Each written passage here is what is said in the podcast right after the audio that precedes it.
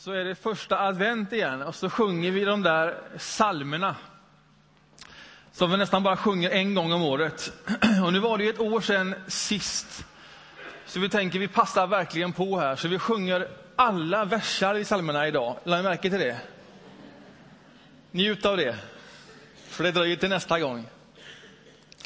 Men de är bara så, så vackra och de är bara så innehållsrika. Och ibland sjunger man de här salmerna och njuter av melodin och harmonin och kanske inte helt och hållet tänker på vad det är man faktiskt sjunger.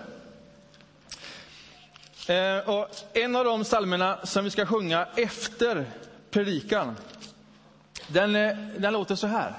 Jag ska läsa första versen bara för er.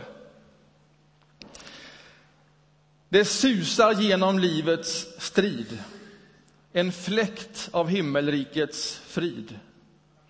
En klang av harpotoner. En aning fyller varje bröst och stilla ljuder Andens röst i jordens alla zoner. O mänsklighet, ställ dörren på glänt. Det är advent. Det är advent.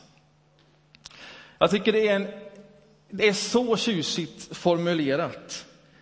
Det susar genom livets strid. Ja, men livets strid kanske inte är så tjusigt formulerat, men det är väl funnet och det går att känna igen. Allt det som gör ett liv, allt det många saker som innehåller ett liv, hela livets strid. I allt det som är vårt liv, där susar det någonting, en fläkt av himmelrikets frid och mänsklighet. Ställ dörren på glänt. Det är advent. Det är advent. Jag fick frågan i den här veckan senast, någon kom ner till mitt kontor som är här i kyrkan. Och så fick jag frågan, vad har du för dörrpolicy egentligen? Alltså, vi har två dörrar in till mitt rum. Eh, en en liksom ytterdörr och en innerdörr. Och jag tror de finns där för att de, de ska liksom stänga ute allt ljud. Det är min teori. Och ibland så är bägge dörrarna stängda, ibland så är innerdörren stängd, ibland är liksom ytterdörren stängd och inte innerdörren. Och ibland är alla dörrar öppna. Och så kom frågan då från någon här som är här ganska ofta. Vad har du för dörrpolicy egentligen? Alltså, när kan man bara klampa på? Är det när bägge dörrarna är öppna eller är det när en dörr är öppen? Och vilken dörr? Och jag fick erkänna att jag hade inte tänkt på det helt så klart. Men det är en ganska bra fråga. Alltså. Vad har man för dörrpolicy egentligen? Och det handlar ju mycket mer om ett kontor. Det handlar om en livshållning, tror jag. Vad har du för dörrpolicy? Man skulle kunna tänka sig att det mest effektiva, den bästa dörrpolicyn, det vore att stänga bägge dörrarna om man nu har två dörrar. Ju fler, ju bättre. Och har man två så stänger man bägge två. Därför då skapar man lugn och ro, koncentration och du blir helt i fred med vad du ska göra i ditt rum. Och där i ditt rum, där har du någon sorts målsättning. Det här ska vi nu åstadkomma. Det här är liksom bilden. Det här är riktningen, det här är målbilden. så va? Och allt som stör det, allt som stör din koncentration kring det, det vill du naturligtvis stänga ute. Så den mest effektiva dörrpolicyn, det är att stänga bägge dörrarna. Och kunde du ha tre, så skulle du ha det. Så kan man tänka sig att det kanske inte är så effektivt som man tror. Det kanske rent av är kontraproduktivt om du verkligen vill åstadkomma någonting. Att stänga in dig med din egen hållning och ditt eget mål och din egen bild och sen bara genomföra det, bryta ner det och beta av steg för steg. För kanske är det så att det som förekommer i det rummet, på ett kontor, ett företag eller ett livsrum, att det man där har satt upp och ska göra att det mer handlar om historien, om det som har varit, än vad som faktiskt kan bli och kommer att bli. Alltså om du sätter upp ett tydligt mål, det här är vad som ska ske i det här rummet. så sätter du förmodligen upp det målet beroende på var du kommer ifrån, alltså det du har med dig. Dina egna erfarenheter, det du kan, det som är känt för dig. Allt det har du med dig och sen utifrån den begränsade kunskapen, men det du ändå vet någonting om, så försöker du dra ut linjerna och sen drar du den så långt du vågar och sen sätter du upp en bild, hit ska vi. Och sen stänger man igen alla dörrar så att man så effektivt som möjligt kan komma dit. Det är en möjlig livshållning. Men det är kanske en begränsande livshållning. Att låta historien så mycket avgöra var jag är på väg och vilket mål jag faktiskt kan ha och hur det skulle kunna bli. Naturligtvis är det bra med en inriktning. Hit är vi på väg. Det här är en sorts god bild. Men om inte bara historien ska vara det som påverkar den bilden så behöver man nog ha dörren på glänt för att släppa in saker och ting som kommer längs vägen. Att det kommer människor in, att det kommer nya bud in, att det kommer saker som jag inte riktigt hade räknat med, som gör att det inte var så enkelt att jag drog ut trådarna från det som jag redan känner till någonting ännu mer av samma sak. Alltså, ska du bli överraskad? Ska framtiden bli någonting mer? Då behöver du en dörr på glänt. Det tror jag. När vi läser texten den här söndagen om hur Jesus rider in i Jerusalem och hur folket samlas omkring honom och hur de jublar, de lägger palmblad och de sjunger till Torsianna och hela den här biten. Så är det där ett jubel som mer hör samman med historien, det som var. Och att de från det de kände till hade dragit ut trådarna lite längre fram och satt upp en bild. Så här måste det se ut. Alltså det de kom ifrån, det var att de var ett folk som under lång, lång tid hade varit, befri, alltså hade varit tagna ifrån sin frihet och ockuperade. Och den ville de vinna, och de räknade med Gud i detta. Och sen utifrån den erfarenheten och allt de hade med sig drog de ut trådarna och så sa de utifrån den erfarenheten, då måste någon komma här nu som är en politisk ledare eller militär ledare och tar ledningen och styra upp det här. Och så kommer Jesus in och uppfyller liksom bilden som de hade med sig ifrån historien. Och så jublar alla. Och väldigt få ser att det är någonting i den bilden som inte alls stämmer med den bild de hade målat upp. Att han kommer på den här åsnan, den här åsnan igen. Alltså, det stämmer inte alls med det som borde ha varit.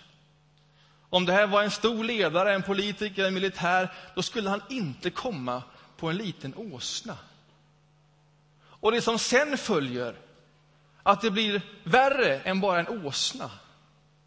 Att han bokstavligen kläs av allt. Och låter sig klä av allt. För att till sist bli korsfäst och dö. Ja, men det, det hörde inte alls till den bild som de hade tänkt, så här måste det vara. Så här måste det vara.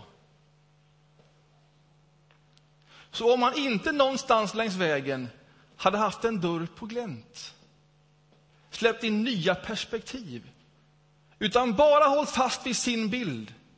Det här är en politisk ledare eller militär ledare. Så är det naturligtvis väldigt enkelt att avfärda det som blev. Det stämmer inte med min bild av hur det borde vara och vad som är det bästa målet. Och så stiger man av. Därför att man hade sin bild klar för sig som var skapad av allt det jag känner till. Bilden som mer av historien än av framtiden. Det är vad som händer i den här berättelsen. Så dagens hälsning i första advent, det är omänsklighet. Ställ dörren på glänt. Ställ dörren på glänt. Det här är en av de texterna som eh, man också läser den här söndagen i de olika kyrkorna i Sverige. Så här står det i Uppenbarelseboken, kapitel 3 och vers 20. Se, jag står vid dörren och bultar. Om någon hör min röst och öppnar min dörr ska jag gå in till honom och äta med honom och han med mig. Den som segrar ska jag låta sitta hos mig på min tron, liksom jag har segrat och sitter hos min fader på hans tron. Du som har öron, hör vad Anden säger till församlingen.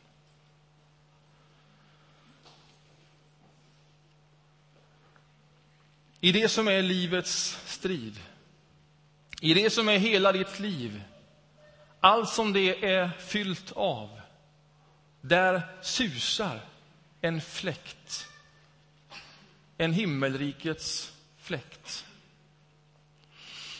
Det kanske inte alls är det som du själv har byggt upp, som det som är din inriktning och ditt mål.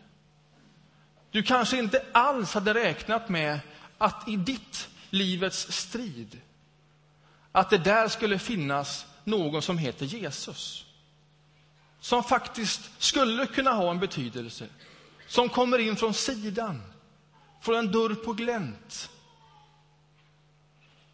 Och som överraskade dig i vad som faktiskt blev viktigt och stort. Och en annan sorts framtid än den du bara hade med dig när du drog ut trådarna från det som redan var känt. Tänk om det är så. Det här är hälsningen idag. Håll en dörr på glänt. Låt inte bara historien beskriva det som sen blir. Håll en dörr på glänt. Och om du är en kristen människa, du definierar dig själv så, och du har din riktning klar, jag menar en riktning är ju bra att ha. Någonstans är man på väg. Alla dörrar står inte bara vidöppna så att du inte vet vart du är på väg. Någon bild har du och ska du ha. Och om du är kristen, om du tänker att ja, men du vet ungefär vad den här bilden betyder. Att han, Jesus, som det här beskriver, knackar på min dörr. Och att han, när jag släpper in honom, äter med mig och jag med honom. Och hur jag genom honom når en gemenskap med Gud, han som är Gud. Och jag vet liksom hur det ser ut. Och så låser du fast den bilden. Och så stänger du alla dina två dörrar. Tänk om det var så att du inte riktigt visste vad som faktiskt var möjligt. Tänk om det var så att den sortens gemenskap som beskrivs så så att du och Jesus, som är Guds son, sitter vid samma bord. Tänk om du inte riktigt ännu hade fått grepp om vad det faktiskt är och vad det kan vara, hur det ser ut, hur djupt och innerligt det kan vara. Alltså risken är att du, att du tar det du hittills känner till, din historia, och sen drar du ut trådarna. Och det är så gemenskapen ser ut. Hälsningen är också till dig. Håll en dörr på glänt. Också i ditt livets strid. Du som tror att du har en klar bild och låser fast den. Gott så. Men håll en dörr på glänt. För kanske är det så att när han knackar där, Jesus Kristus, Gud i människa, att det finns mer i den fläkten än vad du faktiskt räknar med. Och att det skulle kunna göra din framtid annorlunda, större, vackrare, oförutsägbar. I den här kyrkan så vill vi tro att det är viktigt att hålla dörren på glänt. Och vi tänker oss att när vi firar gudstjänst som vi gör varenda söndag så här, så är det en övningsplats för att hålla dörren på glänt. I varje gudstjänst så firar vi nattvard. Och det gör vi också i en sån här gudstjänst. Vi bjuder in till en måltid som symboliserar just det jag nu har läst. Ett koncentrat, en koncentration av vem Jesus är, han som rider in och som överraskar. Som inte bara fortsätter sin triumf in, utan som kläs av allt. Som dör på ett kors. Här finns bröd och vin. Kropp och blod som symboliserar hans liv och hans väg. Och när man går fram för att ta emot bröd och vin och tar emot det i tro, så är det ett sätt, en övning att hålla dörren på glänt. Tänk om han är fläkten in i mitt livs strid. På ett sätt som jag kanske inte riktigt hade räknat med. Eller fullt hade klart för mig. Samma sak när vi säger, tänd gärna ett ljus här. Låt det få symbolisera din längtan, din bön, det du hoppas på, det du vill. Låt det få bli en bön. Det är också en övningssak att hålla sin dörr på glänt. Eller man böjer knän här vid vår förbönsplats eller på läktaren kommer det finnas två människor. Man går fram dit och så säger man eh, till någon som har församlingens förtroende, kan du be för mig? Eller man får frågan, ska jag be för dig? Och så säger man ja, och så får man frågan, ska vi be för något särskilt? Och så säger man det, och så säger man, nej, jag vet inte. Och säger man jag vet inte, så får man en hand på sin axel. Och någon som ber över ditt liv, välsignar det och bjuder in Jesus där, som en fläkt, in i allt det som är ditt liv. Det här är en övningsplats för att hålla dörren på glänt. Eller bara rör dig fritt i det här rummet under det att vi sjunger. Det här är en övningsplats. Sitt och njut av det som sker i egen meditation. Som om dörren var lite på glänt. Det är en övningsplats för det. Och jag skulle önska att du kände den friheten i det här rummet. Och att du gör det som du vill, om du vill och i vilken ordning du vill. Men att här, mitt i livets strid, här susar det en fläkt av himmelrike. Omänsklighet. Ställ dörren på glänt. Vi ska sjunga den sången och sen ska vi kort förbereda oss för att ta emot bröd och vin och den, och den rörelsen som sen blir.